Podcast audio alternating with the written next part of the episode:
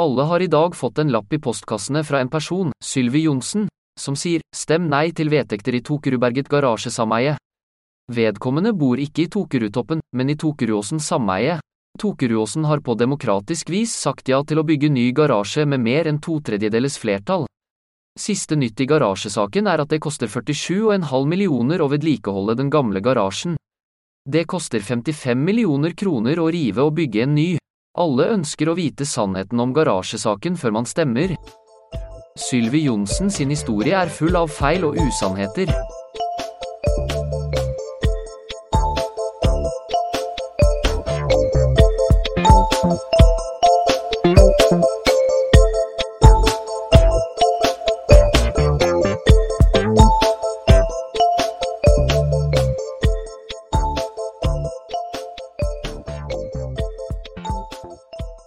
Har fått denne computerstemmen til å lese begynnelsen på Alf Erik Vold sitt brev til seksjonseiere i Tokerudtoppen. Det er skrevet mindre enn 48 timer etter at jeg lanserte en blogg som redegjorde for alt jeg ikke fikk til å stemme i fortellingene fra styreledere.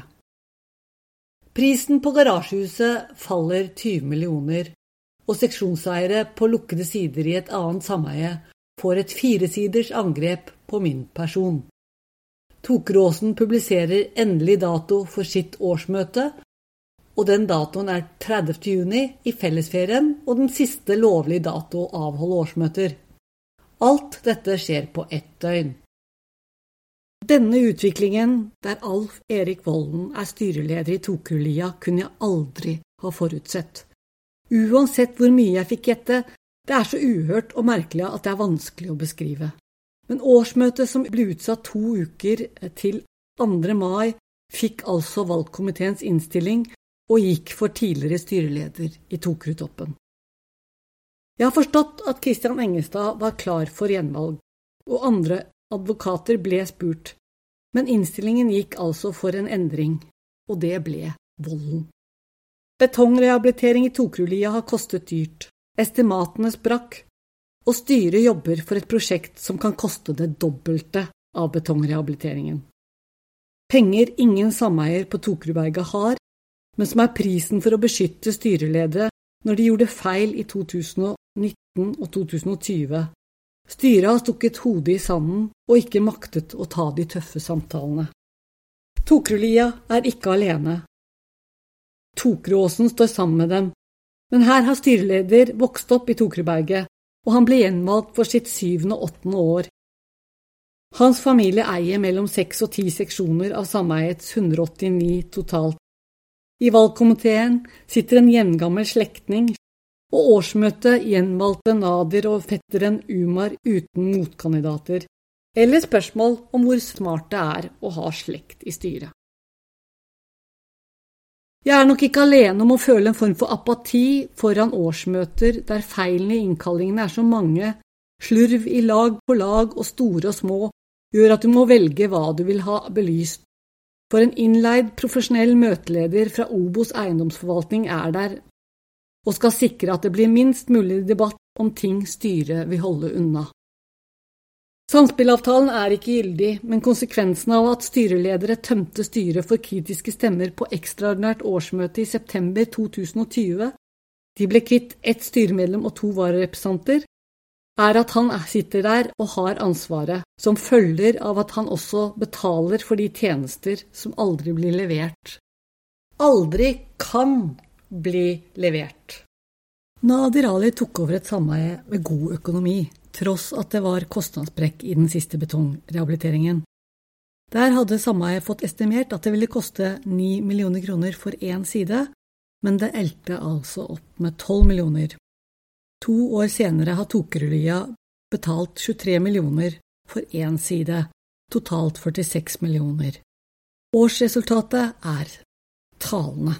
2018, året Nadir har tatt over, er overskuddet 2 423 314 kroner. 2019 har overskuddet falt til 1 777 943. I 2020 så skal de begynne med garasjehuset. og sameiet har budsjettert et lite underskudd på 28 000. Det blir til 1 364 721.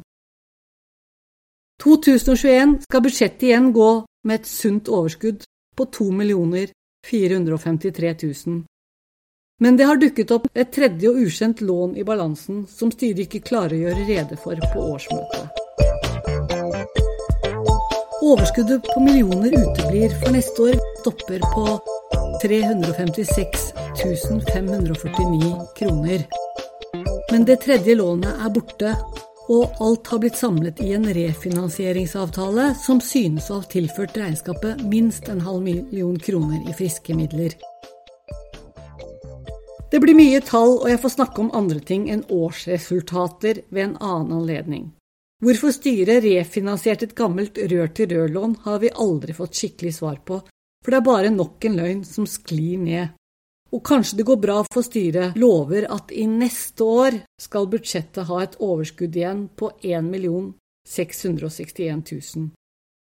Men det skjer altså ikke, for i 2022 har vi isteden et stort underskudd.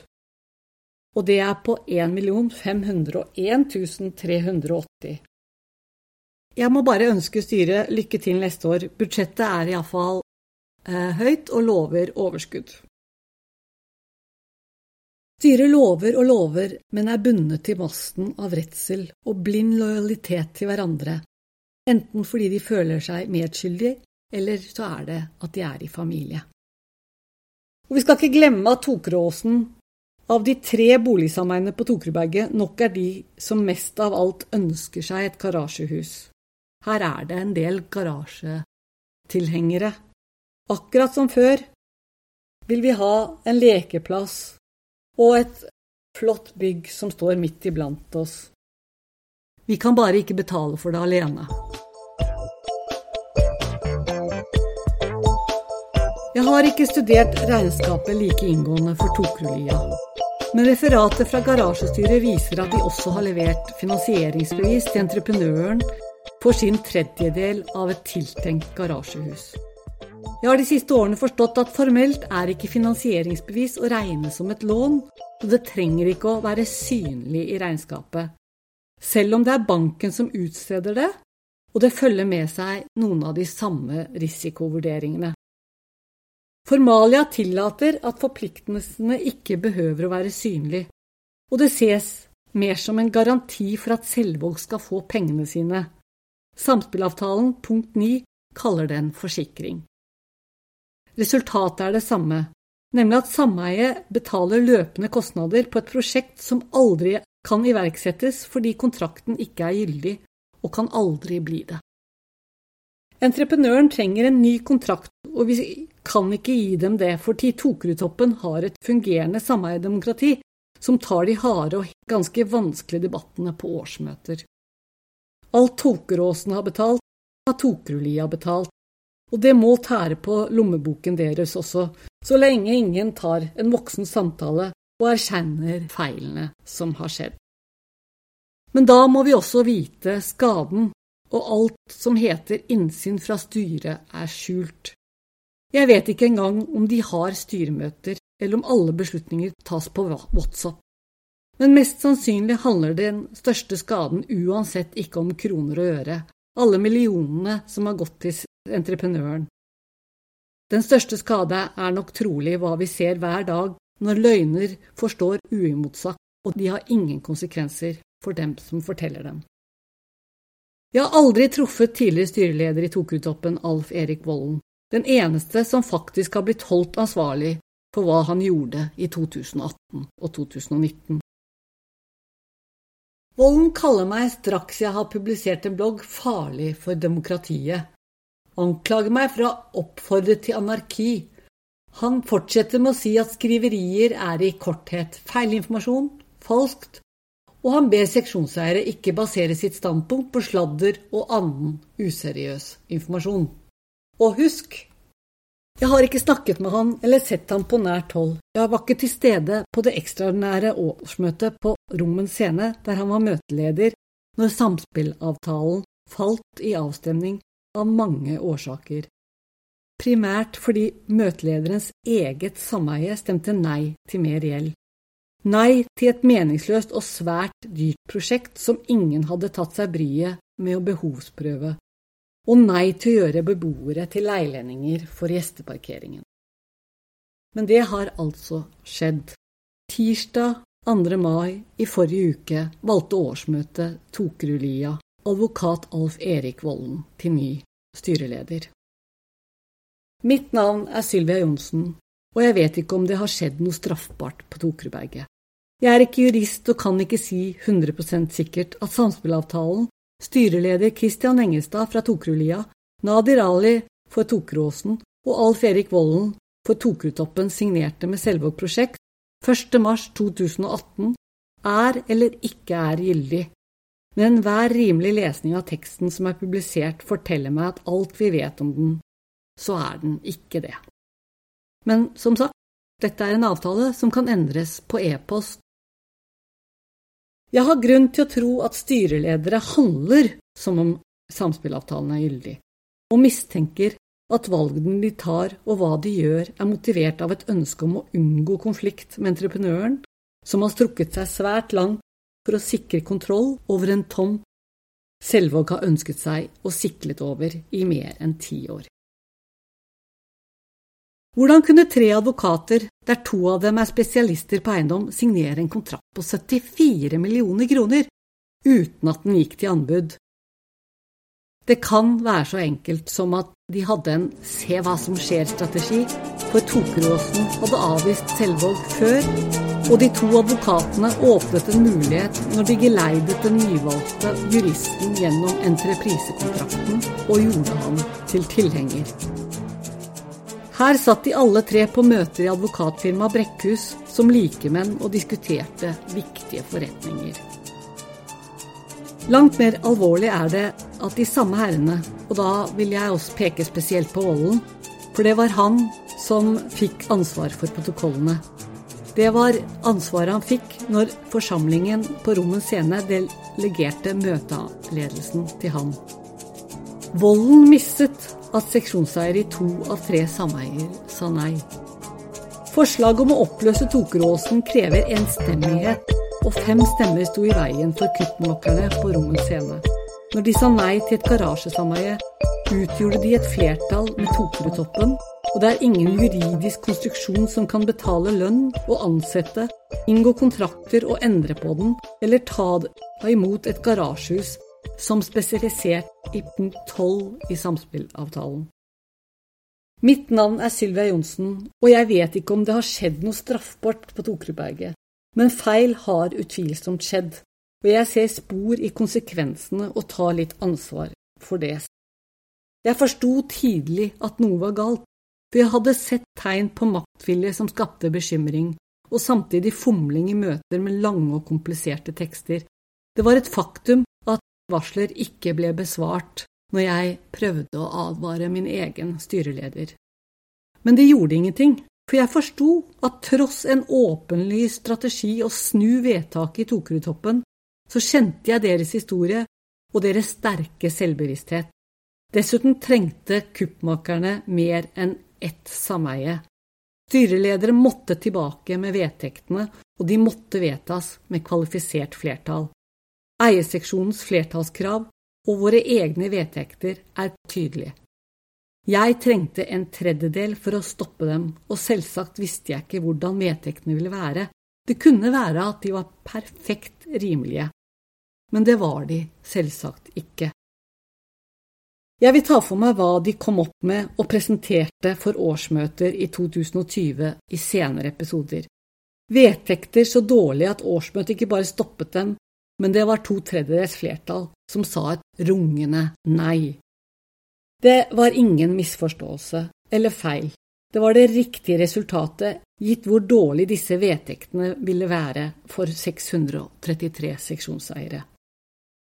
Jeg mistenker at Volden og jeg er uenige her.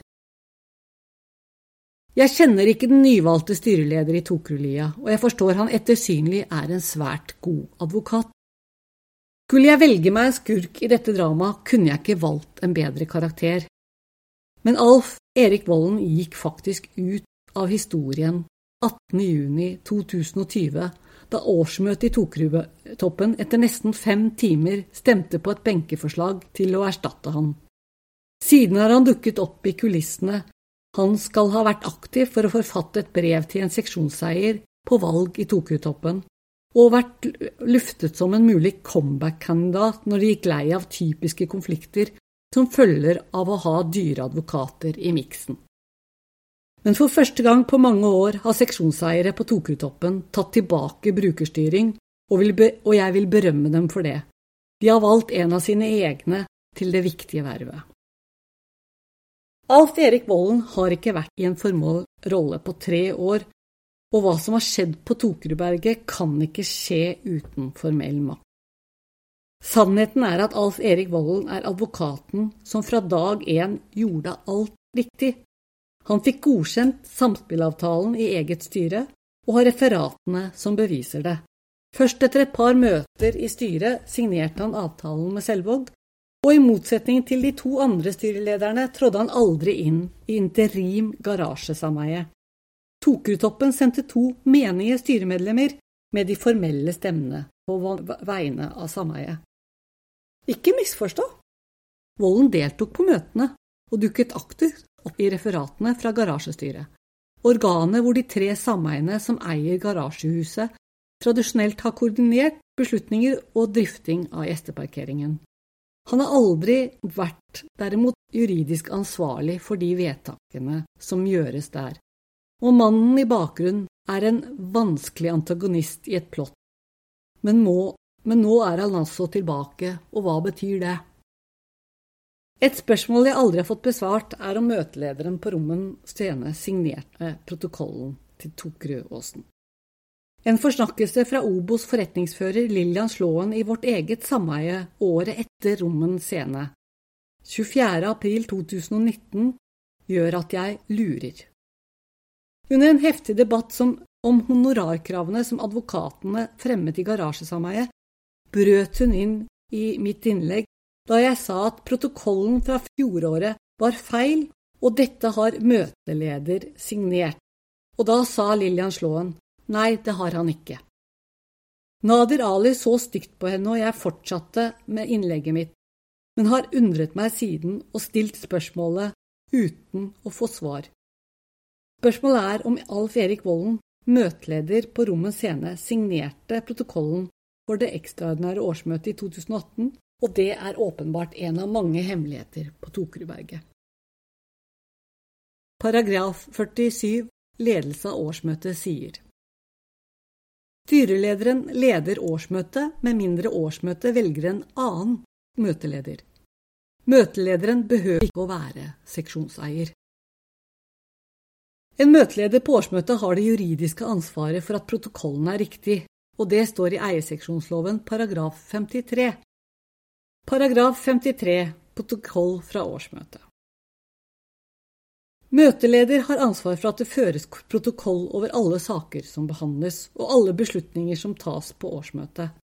Møtelederen og minst én seksjonseier som utpekes av årsmøtet blant dem som deltar, skal signere protokollen.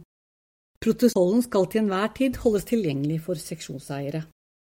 Jeg har stilt spørsmål direkte til den nyvalgte styrelederen i Tokelia, hvorvidt han faktisk signerte protokollen, slik som loven krever, men fikk ganske umiddelbart til svar dette må du ta opp internt i ditt sameie.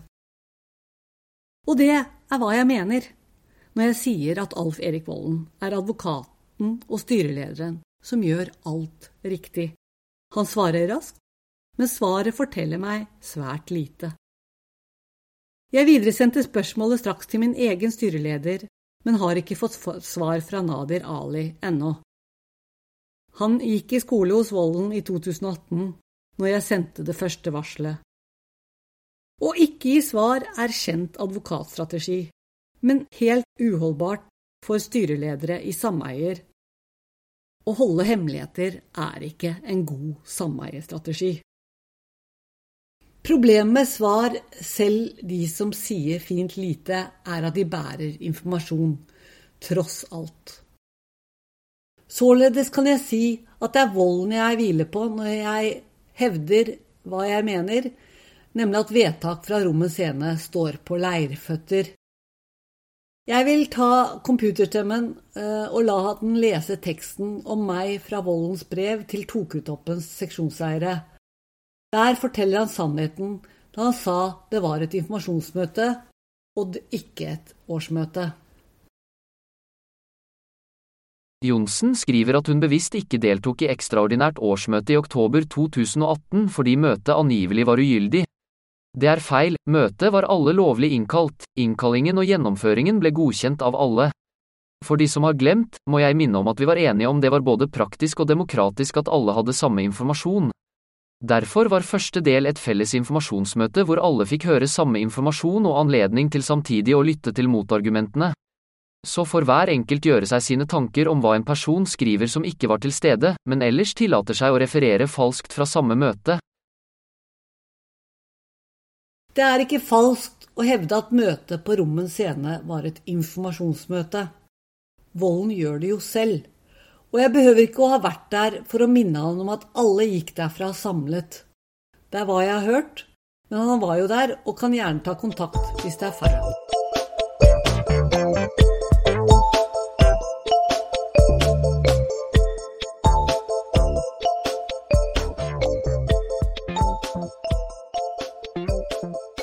Navn er Silvia Johnsen, og jeg vil fortelle en historie fra virkeligheten om hvordan Tokrutoppen, som stemte motsatt av hva styreleder Alf Erik Volden ønsket, fikk søksmålsvarsel fra to nabosameier, der det ene nå har Alf Erik Volden som styreleder. Han jobbet iherdig mot sitt eget sameie i kulissene, mens andre styremedlemmer som stolte på han, gikk inn i den formelle rollen det var å avgi stemmer på vegne av Tokerudtoppen. De er i en tydelig konflikt, stemmer slik de må med vedtaket i bunnen, men i alle andre saker legger de føringer for en annen tolkning og legger om til omkamp i årsmøter to, tre, ja fire ganger. To styremedlemmer i Tokutoppen går i møtene til interim garasjesameie med sin styreleder, og de stemmer som han råder dem og ønsker. En av dem har sameiets ansvar i samspillavtalen, opererer da formelt som bestiller. Og jeg tillater meg å spørre hvorfor gjør ikke Volden denne jobben selv? Han har ikke kviet seg for å ta andre oppdrag. Hva slags mann er Volden? Men altså, advokat Alf Erik Volden har ingen annen rolle enn styreleder i Tokutoppen, og kan ikke heftes til feil i den rollen. Han gjør alt riktig, og forteller meg at hva gjelder denne karakteren, vil det være tilnærmet umulig å bygge plott som gjør han til antagonisten i et klassisk plott, der godt og ondt kjemper på hver side. En som gjør alt riktig, gjør jo det nærliggende at volden i sin rolle er protagonisten i fortellingen, den som kjemper for det gode. Hvis virkeligheten skal forme en rammehistorie i en krimfortelling, kan han være representant for sameiet som står imot når makt og kapital i de to andre truer deres eksistens. Garasjereferatene gir oss et mer nyansert bilde, for der kan det synes som om styreleder jobber imot sitt eget sameie og er delaktig i å føde dem bak lys. Mitt navn er Sylvia Johnsen, jeg skriver dramatikk i fritiden, og hvis jeg skal grave dypere i hva som skjedde med samspillavtalen, og formidle spørsmålene jeg har til Selvåg, styreledere og alle som kan hjelpe meg forstå dramatiske og universelle sannheter som å bygge fiksjon på dem, så er det i Plodkast jeg graver for å finne svar og en troverdig fortelling. Utgangspunktet vil være hendelsene fra virkeligheten. Vi har en protokoll fra det ekstraordinære møtet på Rommens scene, og der står det at Volden ble valgt til møteleder. Og i fravær av svar så må jeg bare utgå fra at han signerte protokollen, for det står uttrykkelig i eierseksjonsloven paragraf 53 at møteleder skal signere protokollen. Forslaget som gikk til avstemning på Rommens scene, og som styreledere mente hadde flertallskrav på to tredjedel av stemmene, er formulert slik.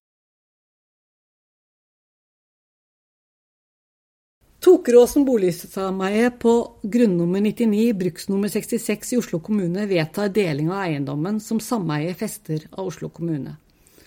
Delingen skal gjennomføres slik at garasjebygget utgjør en selvstendig eiendom. Delingen kan ikke gjennomføres uten samtykke fra Oslo kommune. Styret har seksjonseiernes fullmakt til å fastsette grensen for deling i samarbeid med bortfester og plan- og bygningsetaten. Styret har videre seksjonseiernes fullmakt til å gjennomføre prosessen og signere nødvendige dokumenter i forbindelse med delingen. Styret har seksjonseiernes fullmakt til å overføre hjemmel til et nyetablert garasjesameie som sameiet vil eie sammen med Tokerudlia Borettslagssameie med organisasjonsnummer, og til Tokerudtoppen sameie med organisasjonsnummer. Denne protokollen har jeg nevnt tidligere fordi det er en åpenbar feil i den. Her står det oppgitt at vedtak D, vedtak om deling av eiendommen, ble vedtatt. Feilen kan ha oppstått fra innkallingen, der tre av fire vedtak som må passere, blir oppgitt med galt flertallskrav. For at bilaget i innkallingen som heter Samspillavtalen skal være aktiv, må de to sameiene Tokrulia og Tokutoppen stemme for A, B og C, mens punkt D gjelder kun sameiet som har festetomten Tokeråsen.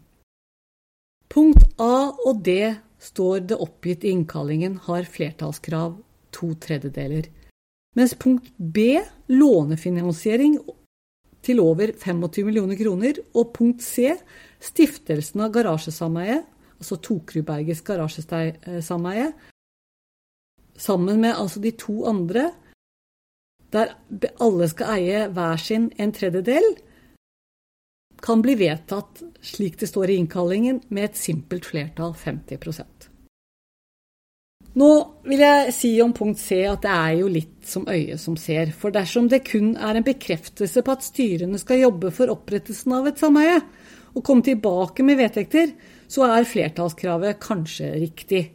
Hvis vedtaket i punkt C blir tolket som at styret kan bli enige om vedtekter og innføre sameie, er det åpenbart feil. Vedtekter må seksjonseierne stille seg bak med to tredjedels flertall. Manipulasjon med flertallskrav skal være et kjennetegn i denne saken. Det kan ha ulik effekt.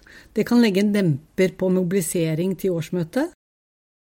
Eller det kan demotivere seksjonseiere fra å gi motstand. Feilen i innkallingen til rommet scene er det godt mulig å forstå av en kynisk sjel som noe gjort med vilje. Protokollen til Tokeråsen fra rommet scene gjengir vedtaksforslag som det sto, og vi kan ikke forstå det annerledes enn at sameiet Tokeråsen skal oppløses. Tomten der garasjehuset ligger skal skilles fra sameiet, og det, det, som gjenstår av tomt med blokker må danne nytt sameie og få festeavgift med Oslo kommune. Tomten vi festet i 50 år og skal feste i 50 år til, vil det være rimelig å anta kommer til å få helt andre vilkår og ny festeavgift på et nivå som gjelder i dag og ikke i 1971. Oppløsning av sameie punkt B i eierseksjonsloven paragraf 51 krever enstemmighet, altså enighet blant alle seksjonseiere. Denne protokollen oppgir fem stemmer imot, Det er min søster og tidligere styremedlem i sameiet, Vivian, var en av dem. Hun protokollførte stemmen som referatet bagatelliserer og først videresender til seksjonseiere etter at det blir påpekt at innholdet i protokolltilførselen manglet i utsendelsen. Men hvem har ansvar for feil i årsmøteprotokoll? Møteleder etter paragraf 53, forretningsfører, styre eller seksjonseiere som forstår at ting ikke henger på greip. Når jeg advarte i årsmøtet 2019, altså året etter, om at det var noe galt, ble jeg møtt av en eplesjekk styreleder, relativt fersk utdannet jurist på vei til å bli advokat. Han forsto jeg var misfornøyd med diffuse ikke-svar og utfordret meg til å saksøke. Skal jeg saksøke styret mitt fordi protokoll er feil? Det syns jeg var en, et merkelig perspektiv på ansvar, For er det ikke styreleder og styrets oppgave å gjøre ting riktig, følge lover og respektere sameiets vedtekter? Styreleder ba om tillit på årsmøtet 2019, og han fikk det.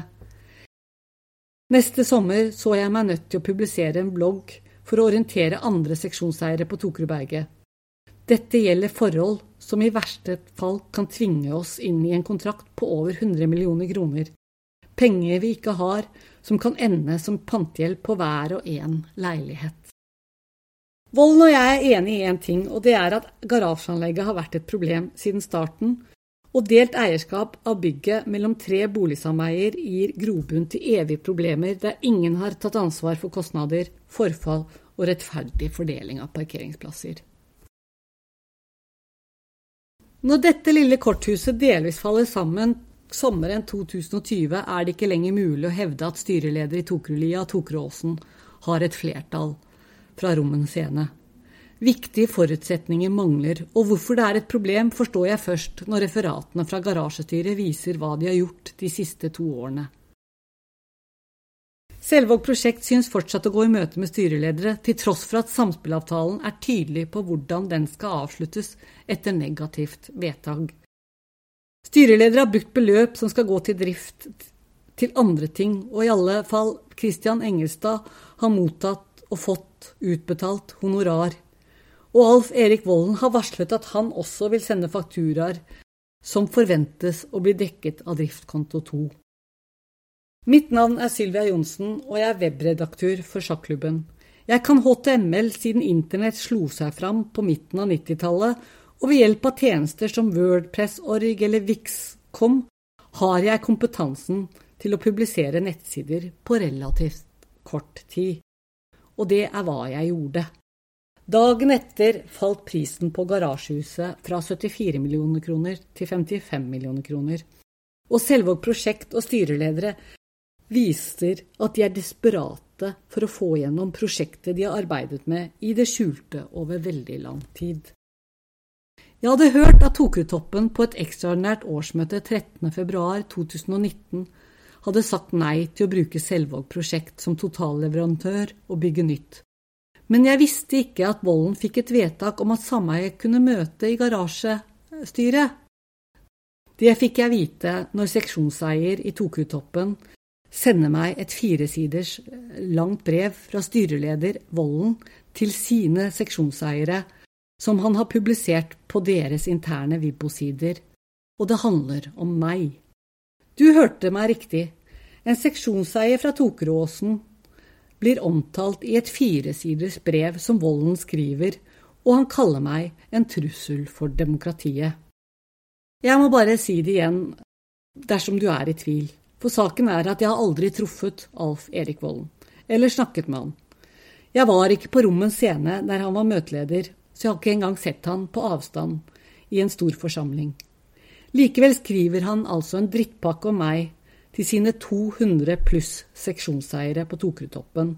Et brev han aldri har brydd seg om å forklare eller rett og slett sende til meg. Brevet han publiserer er skrevet raskt, og jeg tillater meg å minne om reglene for god advokatskikk i punkt 1.3. En advokat skal i sitt virke opptre saklig og korrekt. Advokaten må unngå en opptreden som er egnet til å skade standen og yrkets anseelse. Nettsidene må ha kommet som en overraskelse på styreledere og Selvåg prosjekt. Dato for årsmøtet i Tokråsen var ennå ikke klart, og jeg gikk og ventet. Men nå fant jeg vedtektene på nettsider i Tokerudlia og forsto at skade på hver av sameiene kan oppstå i de to andre, som kan utgjøre et flertall på 2-1. Jeg ser i ettertid at publisering på www.tokeråsen.no med spørsmålene mine skjer i siste liten. Det er dagen før årsmøtet til Tokerudlia og to dager før årsmøtet i Tokerudtoppen. Dato for årsmøtet i Tokeråsen var ennå ikke klart, og jeg ventet. Jeg gikk i postkasser med lapper som pekte til nettsidene, der jeg redegjorde for den kompliserte saken og hvilket valg 633 seksjonseiere sto foran på de ordinære årsmøtene. Tokerudlia og Tokeråsen fikk likelydende og anonyme, nesten tilforlatelig forslag om å godkjenne vedtektene. Det var ingen forklaring på at disse ville trigge et prosjekt som falt i avstemning to år tidligere, og at det ville koste dem 25 millioner kroner. Mens Tokerudtoppen, som hadde sagt nei to ganger til å bygge nytt, fikk vedtektene i et vedlegg, og forslaget var å gi styret fullmakt til å godkjenne disse. Ingen debatt og diskusjon om detaljer. Vedtektene lå der begravd i en innkalling som var hele 151 sider, og skulle, som skulle underbygge at rehabilitering som de hadde diskutert tidligere, var dumt. Og de tokretoppen fikk som forslag om å vedta, for tredje gang, noe de hadde sagt nei til, nemlig å godkjenne bygging av garasjehus til 74 millioner kroner. Ingenting ble sagt om Selvåg og samspillavtalen i denne mursteinen. Jeg forsto med drittpakken fra Vollen at styreledere var redd, men forsto ikke helt hvorfor. Jeg visste fortsatt for lite om hva som de hadde gjort, men det var åpenbart for meg at samspillavtalen ikke var gyldig, og det er selvsagt ikke gøy å finne ut at du arbeidet i to år med en løsning som ikke er god for seksjonseiere, og oppdaga at noen av dem faktisk har forstått såpass. Styreledere er ansvarlig for mye mer enn å kaste bort verdifull tid. Skade er selvsagt mer enn tidsbruk, og pengene de har betalt Selvåg. Garasjehuset står der som et skall, og for hvert år de har rotet, blir det dyrere og dyrere. Glem de av oss som ikke får parkere, som ikke får gjester fordi det ikke er et sted å sette bilene. Ansvaret ligger åpenbart hos styreledere i 2020, men det er når de skal møte krisen de selv har skapt, problemene vokser. For jeg har ennå ikke forstått hvor redd de er, og hvor redd de vil gjøre resten av styremedlemmene som stolte på dem. De kunne med hell ha lyttet til podkasten Lovlytt, der advokatfirmaet Brekkhus har sin egen Christian Engestad som gjest i februar 2022 og han snakker om det personlige styreansvaret i boligselskaper. Men det er i framtiden, og da har Engestad ganske sikkert tatt et krasjkurs i lover og regler rundt slike ansvarsforhold. Detaljer rundt ansvar Ingenting har i grunnen forandret seg siden 2020, bortsett fra at styreledere har trukket styremedlemmer inn i sitt eget surr, og det har kanskje vært poenget. De har gjort flere redde, kanskje. Om ansvar sier Christian Engestad dette om hva som er viktig hva gjelder personlig ansvar i styrerommet. Dersom man gjør en samvittighetsfull jobb for å ivareta selskapets interesser, ja, da skal det veldig mye til for å komme i ansvar. Det som er viktig, er altså å representere seksjonseiere og sameiere i god tro. Og alt jeg mener å vite, var kjent for to år siden. Men hvor mye penger har de brukt siden da hvor mange millioner har gått fra sommeren 2020 til i dag, eller for den saks skyld til 16. desember 2021, da styreleder Nadir Ali og Christian Engestad sender brev til alle seksjonseiere for å si at de har avsluttet prosjektet, før de sender søksmålsvarsel mot Tokerudtoppen i mars 2022 og krever at de skal fortsette det samme prosjektet. Hva er det egentlig som foregår? Året 2020 er det ingen grunn til å fortsette samspillavtalen som om ingenting har skjedd. Styreledere plikter å ta et ansvar og en alvorlig samtale med Selvåg, og her har også entreprenøren et ansvar. Innkallingen Jan Erik Volden la fram for Tokertoppen med sine 151 sider med vedlegg i vedleggene, forteller oss hvor problematisk Voldens opptreden er. Han har bestilt en vurdering fra advokat Jan Erik Nilsen, som skriver til Tokertoppens styre 6.2.2020. Som det fremgår er det aldri laget, vedtatt vedtekter for sameie. Driftsstyret i sameie er således heller ikke etablert i samsvar med loven og har ikke noen formell beslutningsmyndighet som styre i garasjesameie, og må nærmest ses som et praktisk kommunikasjonsorgan for sameierne. Han har fått med seg et viktig poeng. Advokat Førde i advokatfirmaet Hjort mangler i uttalelsen fra samme periode.